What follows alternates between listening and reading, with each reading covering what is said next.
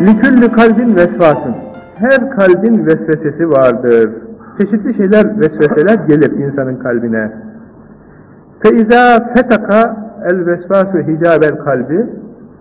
Vesvese kalbin örtüsünü yırtıp geçerse dışarıya lataka bihil lisanu. Dil onu söyler. Vesveseyi dil bu sefer ifade etmeye, nakletmeye başlar, konuşmaya başlar. Ve ukhizer bihil abdü. O zaman kul onunla mesul olur. Kalpten çıktı, dile geldi, dille söylendi. Kul o zaman mesul olur. Onunla yakalarlar onu. Gel bakalım, niye bunu söyledin, niye bunu ettin diye söylerler.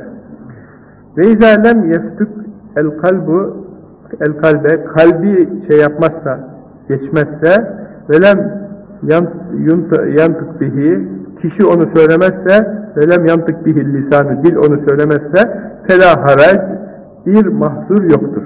Yani insanın içindeki o vesvese dile dökülmezse, söylenmezse ondan bir vebal gelmez. Ülema demişlerdir ki, kitaplarda izahatı vardır, insanın içine böyle gelivermiş bir şeyden dolayı, hatırına gelivermiş bir şeyden dolayı ona bir mesuliyet yok. Affediyor Allahu Teala Hazretleri. Yalnız yerleşmemek şartıyla. Temekkün etmeyecek. Yani oraya mekan tutup da o vesvese tamam kuruldu, rahat yer buldu, orası mekan etti. O tarzda olmayacak. O zaman onun da vebali vardır. Kalbinde kötü şey barındırmayacak. Kötü şeye yer yok. Birazcık geldi gitti hemen def eder. La ilahe illallah dersin, Allah dersin, zikrullahla, tevbeyle, istiğfarla atarsın dışarıya. Gönülde öyle şeyi tutmazsın. Durdu mu vebali var. Biraz geldi gitti mi o zaman mahsuru yok. Oradan bir günah gelmez insana.